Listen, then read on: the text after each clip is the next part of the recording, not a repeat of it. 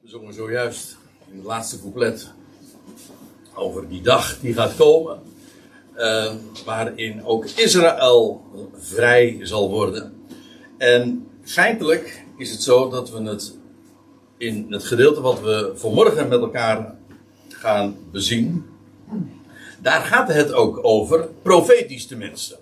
Want eh, in werkelijkheid, en dat of in de meest letterlijke zin, gaan we het hebben over een geschiedenis die u aantreft in het gedeelte wat u hier ook ziet geprojecteerd in Johannes 4, vanaf vers 43 tot 53. Dat heet dan de zoon van de hoveling. Tenminste, dat staat er in mijn Bijbel boven. Andere vertalingen zeggen de zoon van de koninklijke beambte. Maar eh, deze geschiedenis, dit teken, want zo wordt het heel uitdrukkelijk eh, genoemd, ik kom daar straks nog op terug, wordt uitsluitend beschreven in het Johannesevangelie. In de andere evangelie treft u het dus niet aan. Hoewel eh, ik erbij moet zeggen, eh, er het wordt nog wel eens een keertje op één hoop gegooid met. Of zelfs, eh, er zijn verklaarders die hebben gezegd van het is dezelfde geschiedenis. Als die we aantreffen in Matthäus 8 en trouwens ook in Lucas 7. En dat is eh, die geschiedenis van de Romeinse hoofdman.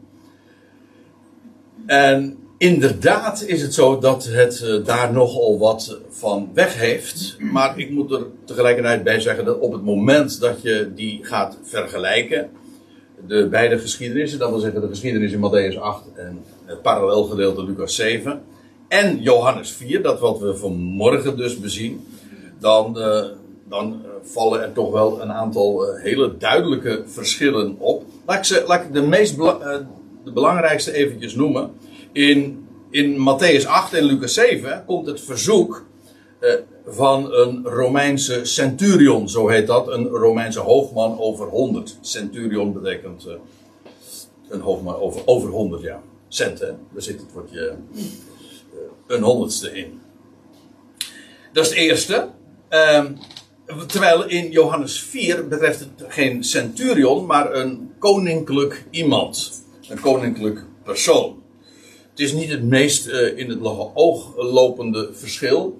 Maar eh, belangrijker is nog dat in, eh, in Matthäus 8 en Lucas 7. dan is Jezus heel uitdrukkelijk, zo wordt dat beschreven, in Capernaum. Terwijl de geschiedenis in Johannes 4 zich afspeelt in Cana. Hoewel het wel te maken heeft met Capernaum, maar dat zullen we vanzelf nog wel zien. Maar Jezus bevindt zich, net als die, die, die koninklijke beambte die bij hem komt, in Cana. Dat is, eh, dat is een groot verschil. En een, eh, een ander verschil is dat de zieke, waar het over gaat, het onderwerp eigenlijk van, van deze geschiedenis, dat is in Lucas 7 en in, eh, en in Matthäus dus, betreft een slaaf, terwijl het in Johannes 4 de zoon betreft van eh, de, de, de aanvrager, de, degene die bij Jezus dus komt met het eh, dringende verzoek. Nou, dat zijn eh, drie hele grote verschillen waardoor je. Dan, dan laat ik de andere verschillen bijvoorbeeld qua timing. correspondeert het ook niet. Maar het neemt niet weg. de geschiedenis vertoont ook. Dat is waar, eerlijk, eerlijk is eerlijk. Vertoont wel overeenkomsten, dat is, dat is waar. Maar is dus niet eh, hetzelfde en valt niet samen ermee. Dus het blijft staan dat de geschiedenis in Johannes 4 inderdaad uniek is in het Johannes-evangelie. Nergens anders tref je hem aan. Nou, ehm, laten we maar eens eh, bij het begin beginnen. En dat, ik, ik begin dan het gedeelte bij eh, vers 43. En eh, een aantal mensen die denken van, hij doet het erom, die André Piet. Al heb je hem weer. Eh, over die twee dagen en over de derde dag. Ik kan het niet helpen. Ik heb, ik heb de Bijbel ook niet geschreven. Eh, met name in het Johannes-evangelie, als je er een klein beetje over krijgt, eh, dan eh, valt dat zo dikwijls op. Maar daar lees je inderdaad over, na twee, de twee dagen nu, ging hij vandaar naar Galilea. En die hij is hier uiteraard de Heer Jezus. Maar eh, de twee dagen, dat verwijst naar het direct voorafgaande. Ik had eigenlijk ook gewoon dat eh, meteen kunnen beginnen te lezen. Maar eh, na de twee dagen, dat verwijst dus naar wat we in, eh, ja, in, in eigenlijk het hele hoofdstuk daarvoor lezen. De heer Jezus was door Samaria gegaan. En daar vindt dan ook die ontmoeting plaats met die Samaritaanse vrouw. Een geschiedenis die we trouwens ook uitsluitend in het Johannes-evangelie aantreffen. En ja, dat heeft nogal wat eh, consequenties, want die vrouw die, eh, die helemaal niet in aanzien stond bij, eh, bij haar volksgenoten, haar stadsgenoten, die, ja, die, die attendeert, uitgelaten als ze is, over, over degene die ze heeft ontmoet, haar, haar, haar stadsgenoten op, op wie zij heeft ontmoet. En ja, en dan lees je, toen dan de Samaritanen naar, hem, naar hem toe kwamen, eh, naar hem toe kwamen, zo moet ik zeggen, eh, vroegen ze bij hen te blijven. En dan lees je, hij bleef bij hen daar twee dagen. En dan staat er, en nog veel meer geloofden om zijn woord. Dat is op zich heel uniek. De heer Jezus was namelijk op weg vanuit Judea, Jeruzalem meer speciaal, hij ging weer terug naar, zijn, naar Galilea. En dat, dat betekent dus dat je de zone van Samaria uh, uh, doorheen gaat. Nou, uh, de, je leest dan ook in Johannes-evangelie, dat doen Joden niet. Dan gaan ze liever om Samaria heen. Maar de heer Jezus is door expres, dat lees je ook, hij moest door Samaria gaan. En dat was helemaal uh, niet gangbaar. Voor Joden sowieso niet.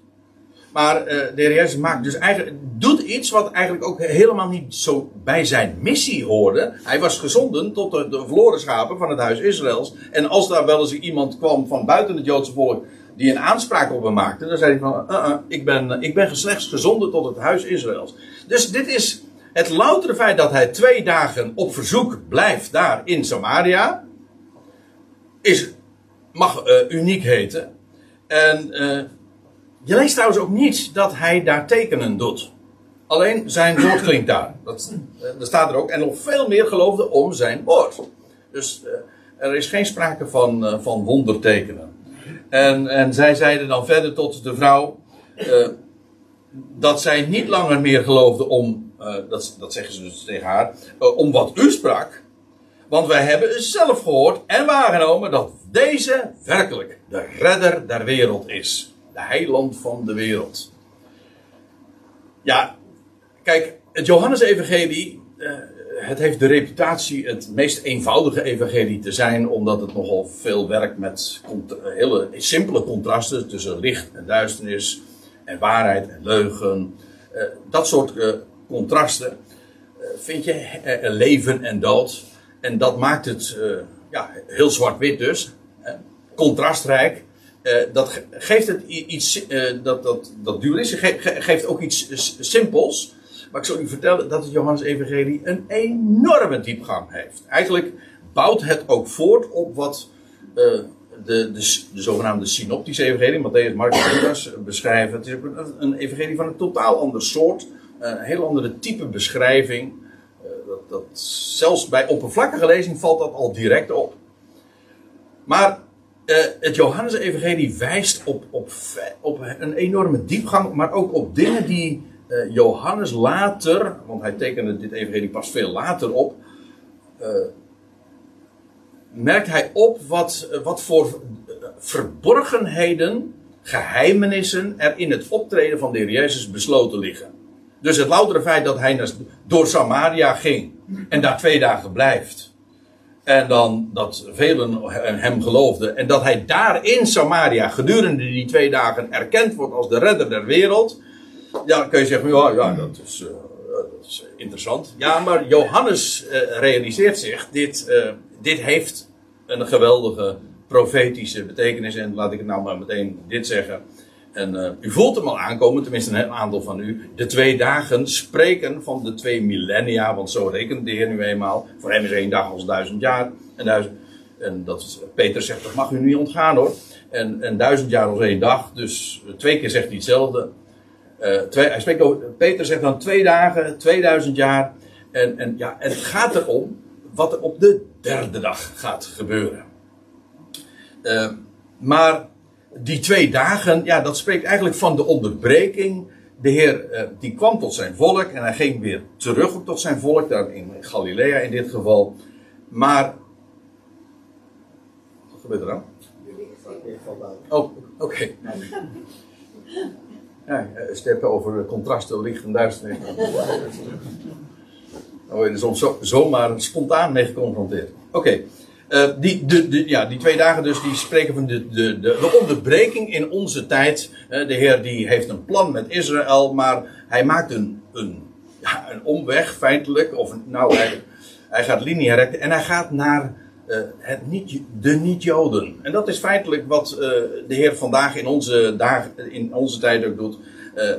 niet, het gaat daarbij niet op het oog en zichtbare tekenen, maar om zijn woord. En hoe wordt hij gedurende die twee dagen herkend? Wel als de redder der wereld. Echt dus uh, kosmoswijd. Staat ook redder der wereld, de redder van de kosmos. Staat in het Grieks dat woord ook. En, en dat is hij. En dat is de boodschap die gedurende deze twee dagen, voordat de, de grote, de derde dag gaat aanbreken, ja, is dat uh, de boodschap naar het de niet-Joden, daar verblijft hij nu in het verborgene, niet zichtbaar, geen tekenen, maar zijn woord klinkt daar. En zo wordt hij gekend en erkend als de redder der wereld. Prachtige uh, betekenissen zitten daarin opgesloten, dat wil ik er maar mee zeggen. Nou ja, en na die twee dagen dan staat want de twee dagen. En na de twee dagen nu ging hij vandaar naar Galilea. Daarheen was hij dus ook op weg. Hè? Dat las je al in hoofdstuk 4. Van hij verliet Judea, vertrok weder naar Galilea. En hij, hij moest door uh, Samaria gaan. Hoezo moest? Geen Jood deed dat. Dat staat er dan ook bij. Maar hij moest die weg zo gaan. En wij weten nu inmiddels waarom dat ook zo was. Ja, hij, hij moest. Uh, hij moest die Samaritaanse vrouw daar bij die bron uh, ontmoeten, et cetera. Die twee dagen dus. En dan staat er nog bij, hij kwam daar dus in Galilea. Hij ging daar, vandaar en naar Galilea, want Jezus zelf getuigde dat een profeet in zijn eigen vaderland geen eer heeft. Elders lees je ook over vaderstad. Dan gaat het specifiek dan over Nazareth, maar in dit geval gaat, uh, komt hij in Cana. Dat is trouwens vlakbij Nazareth. Maar uh, jij zelf getuigt, een profeet in zijn eigen vaderland heeft geen eer. En dat is, uh, ja, eigenlijk zijn ervaring daar in Galilea altijd. En hij attendeert zeg maar zijn, zijn toehoorders nogal eens een keer daarop. En het is eigenlijk zelfs, het is zo sterk, wat ik hier ook in de, deze aantekening erbij plaats. Je leest dat even een paar hoofdstukken verder op in, in Johannes Evangelie dat zelfs zijn eigen broers geloofden niet in hem. En nergens vond hij ook, de Heer Jezus ook zoveel weerstand als juist in Nazareth. En dan zeggen ze van, dan, dan is hij daar in die synagoge van Nazareth, dat lees je dan uh, in een van de evangeliën, in Lucas. Uh, van, en is dit niet de zoon van de timmerman? En uh, zijn broers, die zijn hier toch, en wij kennen, wij kennen de, de familie toch. En ja, juist dat soort ehm, verhoudingen, die kunnen een mens, en dat zie je heel dikwijls, een mens blinderen voor de inhoud. Kijk, als zij afgingen op, op wat zij wisten van Jezus, of dachten te weten van Jezus, hè, dat is die timmerman uit die familie, van wie is dat er een? Nou, dat is de, uit die familie, dat is die timmerman. En, en, en, vooral ook vanwege dat wat de Heer Jezus ook zo onmiskenbaar al in zijn mars had, als ik het zo mag zeggen. en de wijsheid die hij demonstreerde van oh, wat denkt hij wel. Hè, van, en de dédain waar hij eh, mee behandeld werd eh, van, vanuit zijn volksgenoten. Yes. Om zulke zielse overwegingen, omdat wat voor ogen is, wat verbeeldt hij zich wel. Wij kennen hem toch. Ja, maar dat maakte hen blind voor dat wat hij te zeggen had. Voor, en, en, ja, voor de boodschap. Wat hij zei als profeet. En hij zegt, ja, een profeet. In het algemeen is het zo dat een profeet in zijn eigen vaderland, in zijn eigen familieverhoudingen, of misschien iets, zelfs iets breder, uh, vindt geen ingang. Omdat ze gefixeerd zijn op, op het foute. Niet op de inhoud, maar op de vorm. En dat zie je, dat, eh, dat is de wijze ook waarop de Heer zeg maar, ontvangen werd eh, in zijn, onder zijn volksgenoten. Toen hij dan in Galilea kwam, ontvingen de Galileërs hem. Ehm, maar in dit geval is het, ja, dat is wel apart. zij ontvingen hem wel. eh, daar zij alles gezien hadden. Kijk, in eerste instantie, dat moet ik er even, misschien even bij zeggen. In eerste instantie ontmoette hij, toen hij uit Galilea ooit eerder ging, eh stuitte hij op heel veel weerstand. En, maar nu kwam hij daar dus, dus terug, eh, eh, na die twee dagen, let even op. En dan en nou wordt hij ontvangen. En daar zij alles gezien hadden wat hij in Jeruzalem op het feest deed. Want ook zij zelf waren naar het feest gekomen. Nou moet ik even iets erbij zeggen, want als hier staat van, daar zij alles gezien hadden wat hij in Jeruzalem op het feest deed, en dan gaat het over het Pascha. Kijk maar even terug in hoofdstuk 2, vers 23, eh, dan, eh, dan zie je dat het gaat over, de Heer Jezus was voor het Pascha, vanwege het Pascha, naar Jeruzalem gegaan. Nou, een heleboel Galileërs waren daar ook, en ze hebben gezien wat hij deed. En, eh, en toen had hij trouwens al... eh, Ehm, toen had hij ook al eh, gesproken over zijn dood en opstanding. Weet u dat? Toen had hij al gezegd van eh, breek deze tempel af en ik zal hem in drie dagen herstellen. Eh, dat wordt dan niet begrepen. Maar hij sprak al, en dan staat er, zegt Johannes ter toelichting al bij van, ja, men dacht van, hm, die tempel waar, waar, waar tientallen jaren aan gewerkt is, ga- gaat hij die, die verbouwen of zo, of gaat hij die afbreken, wat, wat, wat, waar heeft hij het over? En dan zegt Johannes nog bij, ja, maar hij sprak over de tempel van zijn lichaam. En die na twee dagen inderdaad eh, opgericht zou worden. Over dood en opstanding. Maar in ieder geval, ze hadden gezien ook wat hij in Jeruzalem deed. En nu eh, ontvingen ze hem dan ook. eh, ja, vanwege dat wat zij ooit hadden gezien. Maar kijk, wat ik er eigenlijk ook meer wil zeggen.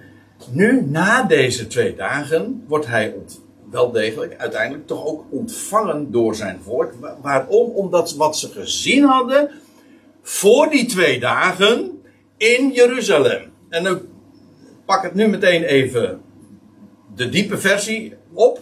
Namelijk, wat gebeurde er voor de twee dagen? De twee dagen spreken dus van de periode waarin wij ons nu bevinden, de twee millennia. Die begonnen zijn bij de eerste komst van Christus. Toen hij kwam om te sterven en op te staan, het Pascha in Jeruzalem. En nu, na die twee dagen, komt hij weer terug bij zijn volk. En, ja, en, ze, en ze accepteren. Waarom? Wel omdat ze nu herkennen wat hij ooit in Jeruzalem had gedaan voor die twee dagen. En ja, het profe- profetisch is het plaatje helder, als u het mij vraagt. Want dat betekent dat het volk hem straks zal ontvangen. Waarom? Wel, omdat hij ooit voor die twee dagen in Jeruzalem tijdens het Pascha heeft gedaan. Dus ja, dat is, dat is niet alleen maar historisch, gewoon het verhaal, de geschiedenis is zo gegaan. Maar eh, het heeft beteken- betekenis. Een van de woorden die zo in deze geschiedenis ook iedere keer terugkomen. Het was een teken. En een teken heeft een betekenis. Daar gaat het om. Het gaat niet om de, de zaak zelf, maar dat waar het naar verwijst. En dan staat er, hij kwam dan weder in Cana. Dat wil zeggen in het Cana van Galilea. Zo staat het dan letterlijk. Kennelijk was er nog een ander Cana. Eh, waar hij het water wijn maakte. Ja, ik vind hem toch weer zo mooi. Want wat weten wij van die geschiedenis? Deze geschiedenis wordt ook beschreven alleen in het Johannesevangelie. Dat je leest er dan trouwens bij. Het was het eerste teken dat Jezus verrichtte. Hij maakte water in wijn. Mozes, eh, het eerste teken dat Mozes ooit deed, dat was water in bloed veranderen. Het, tweede teken dat, het eerste teken dat de Jezus deed, dat was water in wijn veranderen. Waarvan akte. Maar goed, eh, het gaat er even om. Eh, eh, hij kwam nu dus weer in Cana. En, en meteen wordt ook de link gelegd met wat hij daar ooit in Cana heeft gedaan. En u weet wat hij daar gedaan heeft. Ik in ieder geval wel. En mijn vrouw Petra ook. Want het stond ooit op onze trouwkaart. In 1992. Op de derde dag nu was er een bruiloft. Te Cana.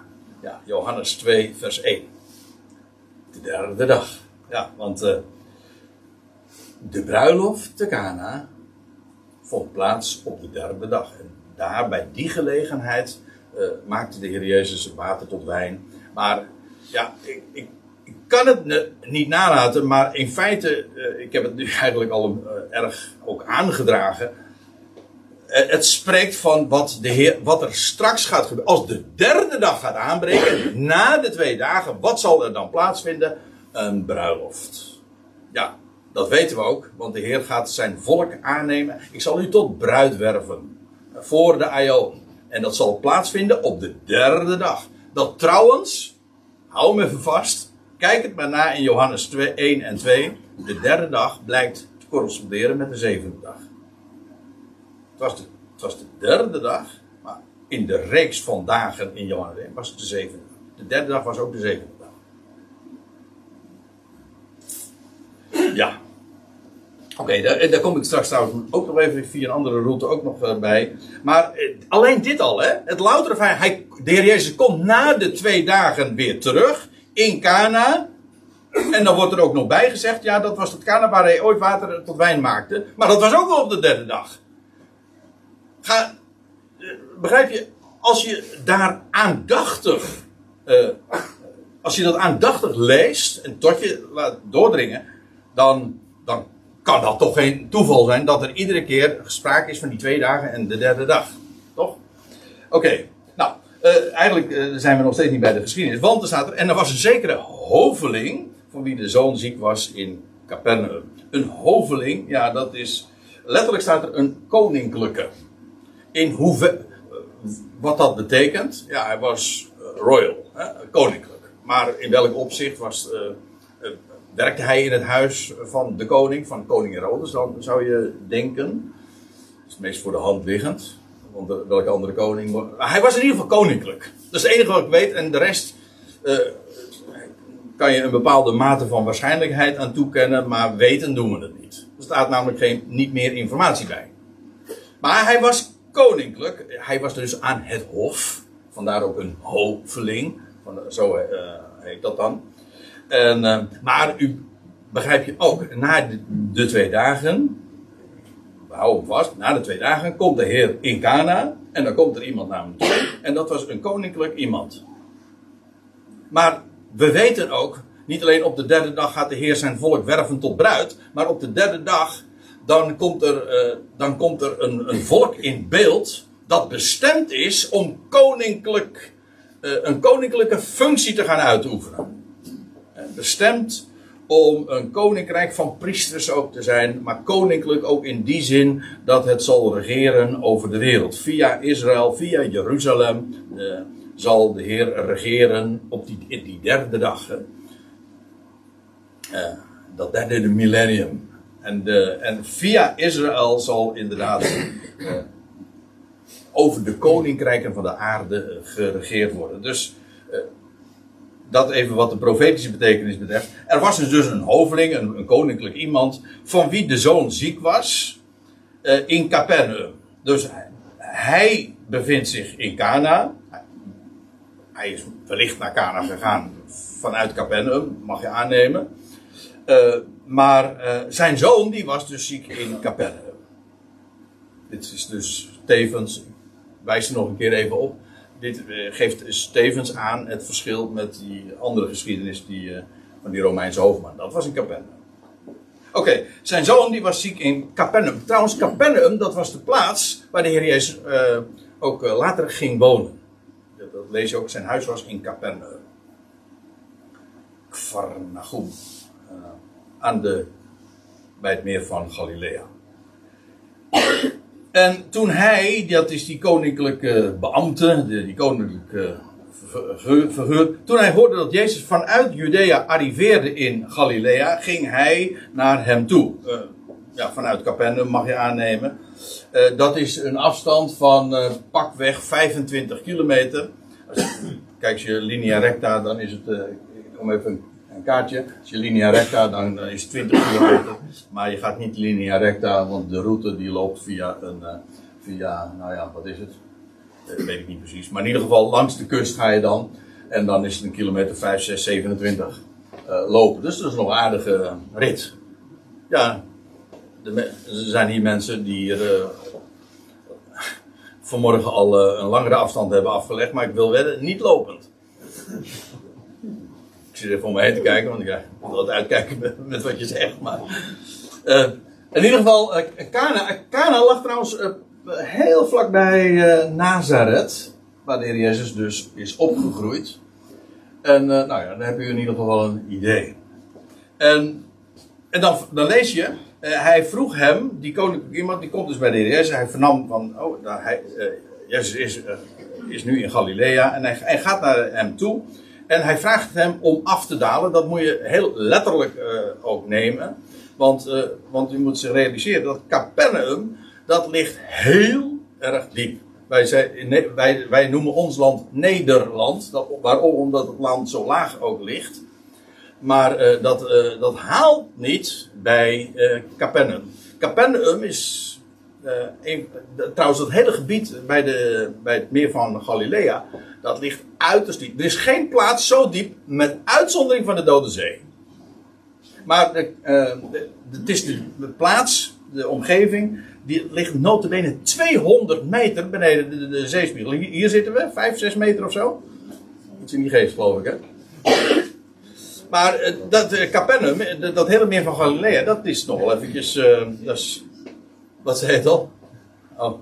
Ik wij hebben een ark, ons is niet erg. ja, ja, ja, jij houdt al rekening met de zeestijging. Ja, ja, ja, ja, jij denkt dat ik ga in een ark wonen.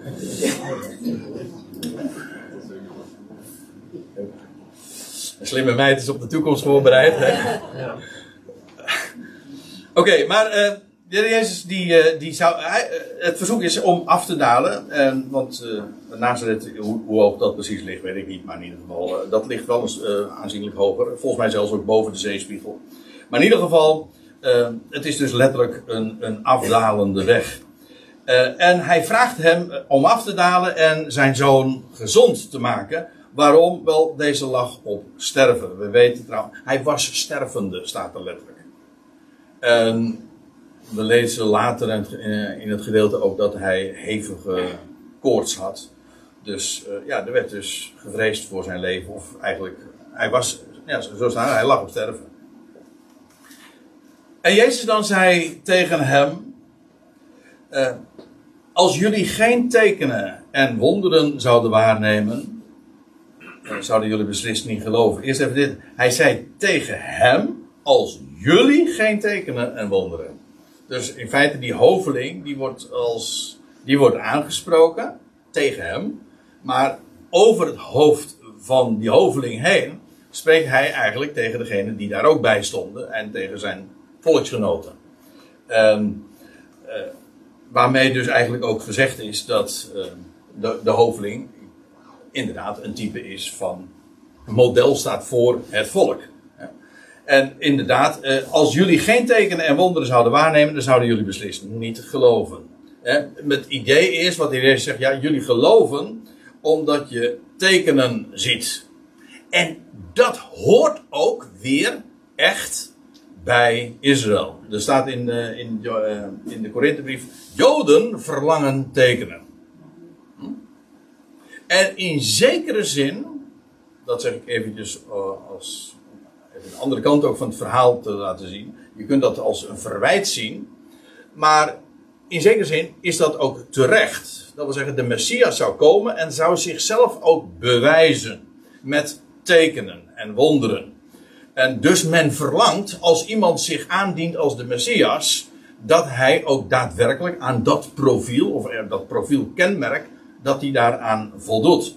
En eh, wat hier zegt van jullie zullen, je zouden niet geloven als je geen tekenen en wonderen zouden zien. En dat is ook zo, want Israël zal ook daadwerkelijk gaan geloven. Waarom? Wel omdat men het ziet. En in feite, ik geef hier de vergelijking, dat is trouwens ook het Johannes-evangelie, wat je ook uitsluitend bij Johannes aantreft, die geschiedenis van Thomas. En dan dat de Heer Jezus... Uh, Thomas, die, u die was heel sceptisch, want hij zei: Ik moet het eerst zien. Ik moet het allemaal eerst zien. En dan uh, een week na de, de opstandingsdag, dat de Heer Jezus dan plotseling weer opnieuw in, het gezelschap van de discipelen verschijnt. En dan nou, de sceptische Thomas wordt uitgenodigd. Nou, kijk, je wilde toch zo graag eh, zien en tasten. Ik, met mijn eigen ogen zien en met mijn handen, handen tasten. En, en, dan, ja, en dan, Thomas hoeft dat niet eens meer te doen. Hij, hij, hij ziet het. En hij is in één keer uh, al zijn skepsis kwijt. Hij is overtuigd. Hij ziet het inderdaad met zijn eigen ogen. Dan zegt de Heer Jezus tegen hem: uh, Thomas, jij, jij gelooft omdat je gezien hebt. En dan zegt de Heer Jezus iets bij. En dat is typerend voor de twee dagen, als u begrijpt wat ik bedoel. Gelukkig of zalig zijn zij die niet zien, maar wel geloven. Jij, Thomas, jij gelooft doordat je mij ziet. Zo zal Israël ook straks tot geloof komen, ja, doordat zij hem zien. Met eigen ogen, dat staat ook in, eh, ja, hoe vaak staat het er niet?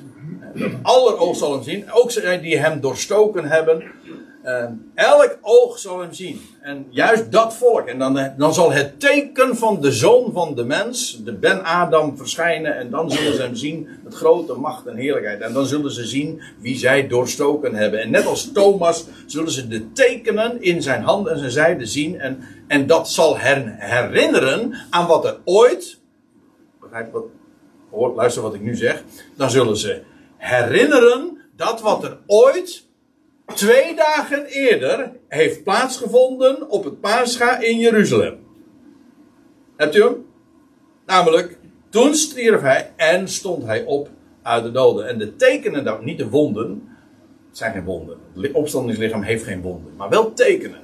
Littekenen, dat wil zeggen, het herinnert hen aan dat wat er ooit zo heeft plaatsgevonden. Hij blijft het lam. Als ze, als ze het lam zien, zien staan, maar dan zullen ze hem zien als, uh, het, uh, als het lam dat staat als geslacht. Het zal altijd de tekenen blijven houden van wat hij ooit heeft gedaan en wat hem ooit is overkomen. Dat hij doorstoken is.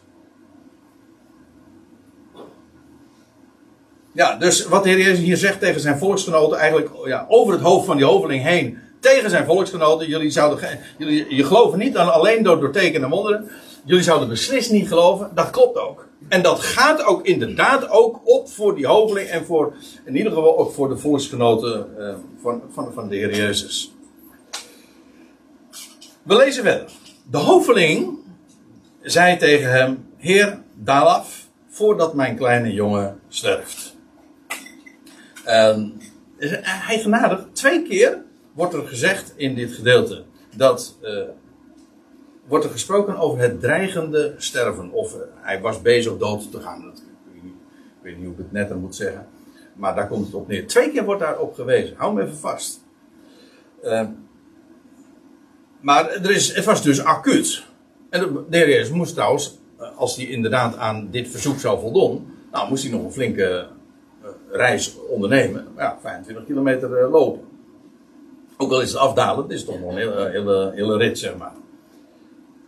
Maar de, Heer doet dat trouwens ook niet. En Jezus zei tot hem: Ga heen, uw zoon leeft.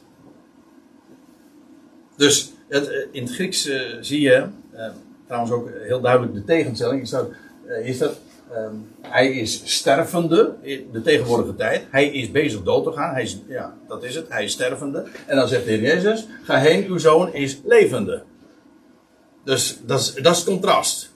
Hij was bezig dood te gaan. Nee, ja, dat is dan wel zo. Maar hij, hij leeft. Uw zoon is levende. Waarmee ook trouwens gezegd is, omdat het in de tegenwoordige tijd staat, van vanaf dat moment leeft hij. Hij zegt niet, uw zoon zal leven. Nee, uw zoon is levende. Dat wordt tegen die koninklijke beambte uh, gezegd. En ja, waarmee dus ook gezegd is wat er feitelijk hier gebeurt. De zoon is dan weliswaar niet gestorven. In type, een man of een jongen, een kleine jongen in dit geval, eh, is bezig dood te gaan. Maar de heer Jezus spreekt zijn, zijn machtswoord, niet geen wachtwoord, maar zijn macht, zijn, zijn uh, woord van macht, laat ik het goed zeggen, uh, uit, op afstand zal ik maar zeggen. uw zoon leeft. Ga maar terug. Is, de, verzoek was, kom mee en, uh, naar de Capernaum. En hij zegt, uw zoon leeft. En dan staat erbij, en de, man, en de mens geloofde het woord dat Jezus tot hem sprak. En hij ging heen. Het, het, dat is wat mooi van deze hoofd. Het woord was nu voor hem genoeg. Dat is trouwens altijd zo. Uh, ja, dat, dat, was ook eigenlijk de boodschap in het, uh, in het Johannes-evangelie in het algemeen. Gelukkig degene die niet zien. Gelukkig de Samaritanen in die twee dagen. Zo horen zijn woord. En zijn woord is afdoende.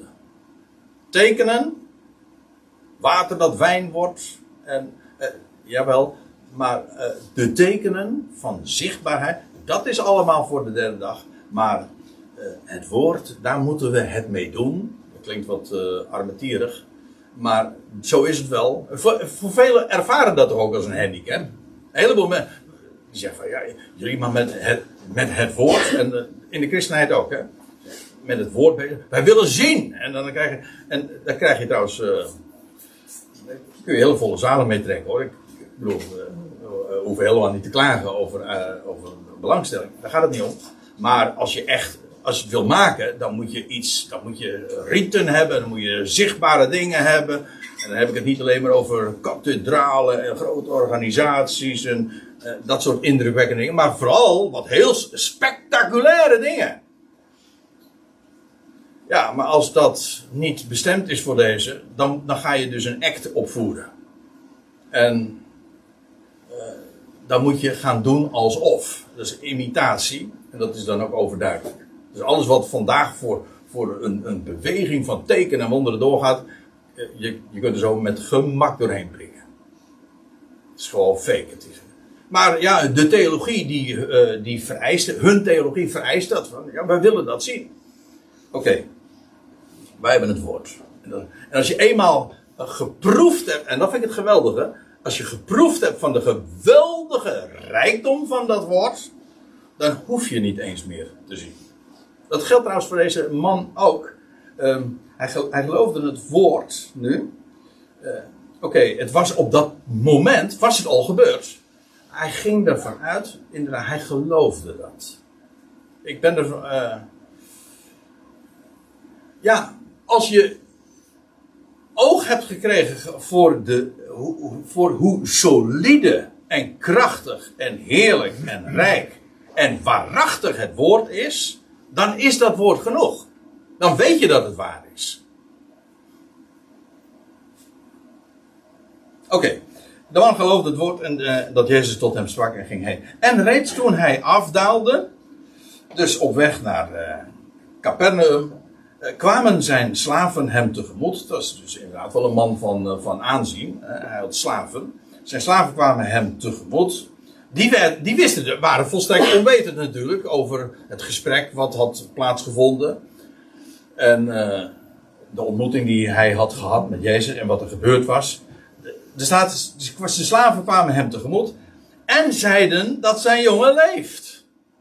Dus, uh, ja, ergens, halve, uh, ergens tijdens zijn afdalen naar Capernaum komen zijn slaven en komen het goede, komen het goede bericht hem vertellen. Uw, uw jongen leeft. En dan staat er, hij dan informeerde bij hen naar het uur waarin de beterschap was ingetreden.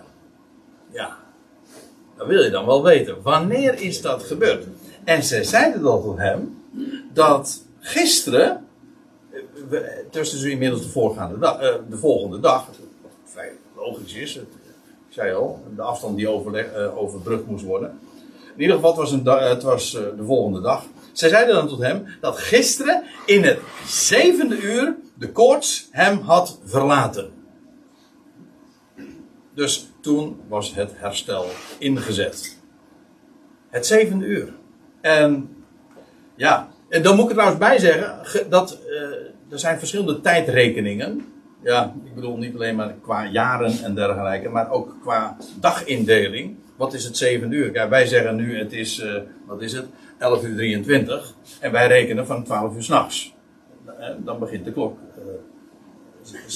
Dan, dan beginnen wij de uren te rekenen. Maar de, de Hebreeuwse rekenwijze begint bij zonsopgang. En dat betekent zo rond 6 uur in de ochtend. En dan reken je gewoon, God noemde het lichtdag, dus op het moment dat het dag wordt, dan begin je de uren te rekenen. En dan is dus het zesde uur. Je, leest ook in Johannes Evangelie uh, over het. Uh, ja, ja, die Samaritaanse vrouw, die kwam bij hem, of die ging daar naar die, die bron toe, die, bron van Sigar, uh, in het middaguur, het heetst van de dag. En het was, daarbij, het was het zesde uur. Dan zeggen we, het zes uur? Zes uur avond. Nee, nee, nee, niet zes uur avond. Maar zes uur, het zesde uur gerekend vanaf zonsopgang. En dat betekent dus 12 uur, gewoon echt midden van de dag. Het zevende uur is dus nog een uurtje later. Dan is het rond, wij zouden zeggen, rond 1 uur. Maar ga, ja kijk, en heb je van die, uh, heb je vertalingen. Bijvoorbeeld, uh, ik, ik weet niet, nou ga ik, ik voorzichtig zijn met mijn woorden. Maar het zou me niet verbazen dat het de MBV-vertaling corrigeer me, er zijn mensen die hier de MBV wellicht hebben. Uh, maar uh, die, die, dan, die dat dan uitleggen en zeggen van het was één uur middags. En dat is, dat, dat is heel begrijpelijk voor ons dan om te lezen. En, en het is nog correct ook. Uh, maar toch is het heel erg jammer. Dat is net zoiets als dat je leest in de vertaling van uh, dat Israël de ark moest navolgen toen uh, bij de Jordaan. En dan, dan staat, er van, staat er in de Bijbel van. Uh, er zij echter tussen u en de ark een afstand van 2000, ongeveer 2000 ellen. En dan zijn de vertalers die het ons allemaal makkelijk willen maken, van, die zeggen van, uh, van ongeveer een kilometer. Dat is heel aardig, maar dan mis je nu juist het getal. Dat juist betekenis heeft. En dat geval was het 2000. Eh, het was trouwens, die, uh, de doorgang door de Jordaan was trouwens ook op de derde dag. Nee, ik, ik denk dat ik het er al om doe, hè, maar dat is echt niet zo. Het, het, eh, het denkt ze gewoon aan je op. En hier, het was het zevende uur. Ik zeg dan inderdaad, het was, dat betekent voor ons één uur s middags, maar denk erom, het was één uur s middag en zeven is het getal voor een Hebreeër. Als je in het Hebreeuws zegt Sheva, dat is het woord voor zeven, dat heeft. En het is een getal, een cijfer. Ja, maar het is ook een woord en dat betekent volheid. Vandaar ook dat zeven de reputatie heeft in het Hebreeuwse Bijbelse denken. Dat het het getal, het volkomen getal is. Het is het getal van volheid.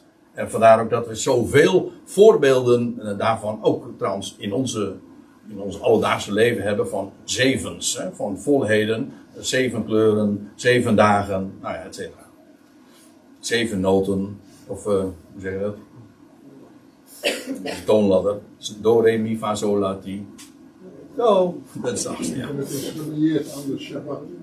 En ja, dat wou, ik, dat wou ik nog bij inderdaad zeggen. De zeven is ook uh, aan, de, aan de Shewa. Ja, men zegt waarschijnlijk is Shewa ook weer verband, uh, houdt verband met het woord uh, Shabbat. Hoewel Shabbat eigenlijk staken betekent. Het is een werkwoord, dat betekent staken, ophouden. Dus op het bij de zevende wordt er gestaakt. Dat wil zeggen, kapje met werken. En, en hier ook, het, het, het was het zevende. Het was na de, dit vond plaats na de twee dagen. Ik zeg niet trouwens dat het de derde dag was, maar het was na de twee dagen. Ja, en de genezing vond plaats op het zevende uur. In wezen weer diezelfde gedachte als de derde dag daar bij de bruiloft van Cana was ook de zevende dag. Ik geef toe, ik zou hem even moeten toelichten. Doe ik nu even niet. Want ik heb, daar zou ik eventjes de, de bonnetjes ook bij moeten leggen. Maar, eh, mooi huiswerk.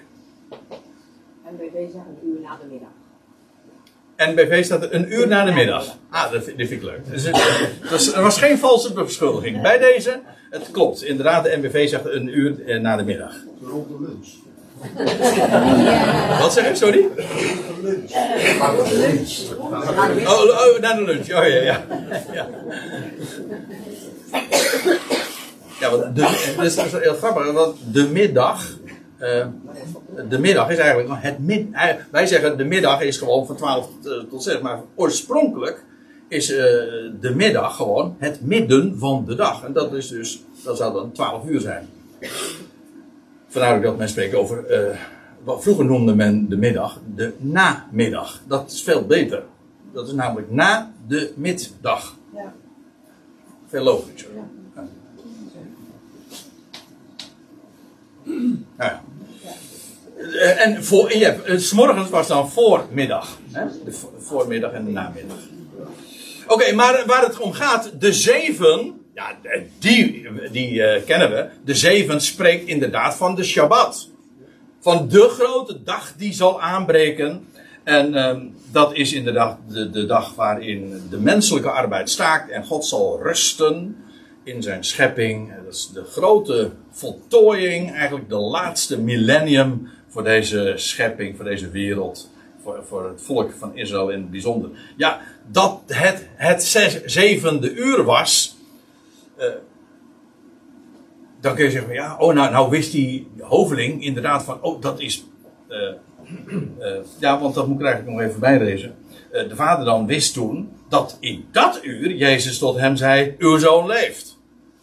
Dus het was op het moment dat de heer Jezus daar in Cana zei: Uw zoon is levende. Op dat moment, in dat uur, verliet de koorts die jongen. En toen werd hij van stervende levende. Dat was het. En, en, en deze, daarom informeert die vader ook vanaf wanneer eigenlijk. En dat is, dat is synchroon. Dat is op, net op dat moment. Maar waarom was dat nou het zevende uur? Dan kun je ook zeggen van ja, nou ja, dat was toevallig net na de lunch. Hè? Ja, ja, ja nee, dan, dan ontgaat je de diepgang en de, de, de, het perspectief waarmee Johannes dit alles optekent. Alles heeft betekenis. Ja, en dan wil ik op nog een ding mee ik, ik zei al, er is twee keer sprake van sterven, maar drie keer van leven. Dat hier staat van uw zoon is levende. Twee keer dood. Derde leeft. Kijk het maar na. Vers 50, 51 en 53. Ja, en dat verwijst weer naar opstanding ten derde dagen. Want die opstanding ten derde dagen gaat op voor de Heer Jezus natuurlijk. De Heer Jezus stond op de derde dag. Maar uh, ook het volk van Israël zal, als dat koninklijke volk, de zoon van, de kon, uh, van, van, van die koninklijke uit dat huis wel zal herleven na twee dagen. Je leest het in Hosea heel uitdrukkelijk. Na, de Heer zal terugkomen tot zijn volk en hij zal hen herstellen, doen herleven na twee dagen. Op de derde dag. Dus ja, eh, de wijze waarop dat hier ook, eh, zelfs een beetje onder de oppervlakte, twee keer over sterven, drie keer over leven. Alles ademt dus dezelfde boodschap, namelijk het volk van de hoveling, van de koninklijke wanten, dat zal herleven, ja, op de derde dag, na de twee dagen, en dat is tevens in het zevende uur. Wie oren heeft, die oren. En dan staat erbij, en hij geloofde zelf en zijn hele huis. Zoals dat straks ook voor het hele huis van Israël geldt. Trouwens, Israël betekent heerser Gods. Koninklijk dus. Een hoveling. Ja, en dan, uh, dan gelooft uh, hij en, zijn, het hele huis van Jacob, of het hele huis van Israël, de koninklijke beambten. En dan staat er nog bij, dat is dan de afsluiting. Dit nu deed Jezus wederom. En dit was als tweede teken toen hij vanuit Judea in Galilea kwam. De tekenen worden geteld. In totaal zijn er zeven.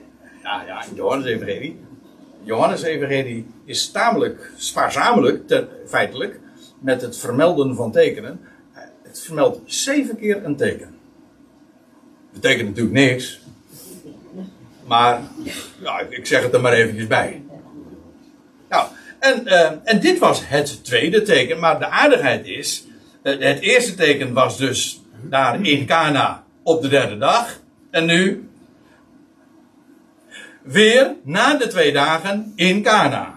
Dus de link wordt meteen weer gelegd. Daar waar de Heer Jezus ooit water in wijn had, daar gebeurde nu dit. En feitelijk, ook qua timing, weer. Het was het tweede teken. Maar het wordt daarmee direct ook gelieerd aan het eerste teken. Dat ook op de derde dag plaatsvond. Ja, en waar het ons op wijst. Nou, ik hoop dat uh, die boodschap vanmorgen is overgekomen. Het kan niet missen. Namelijk naar die geweldige tijd die gaat komen. Ik bedoel, wij leven nu in de twee dagen.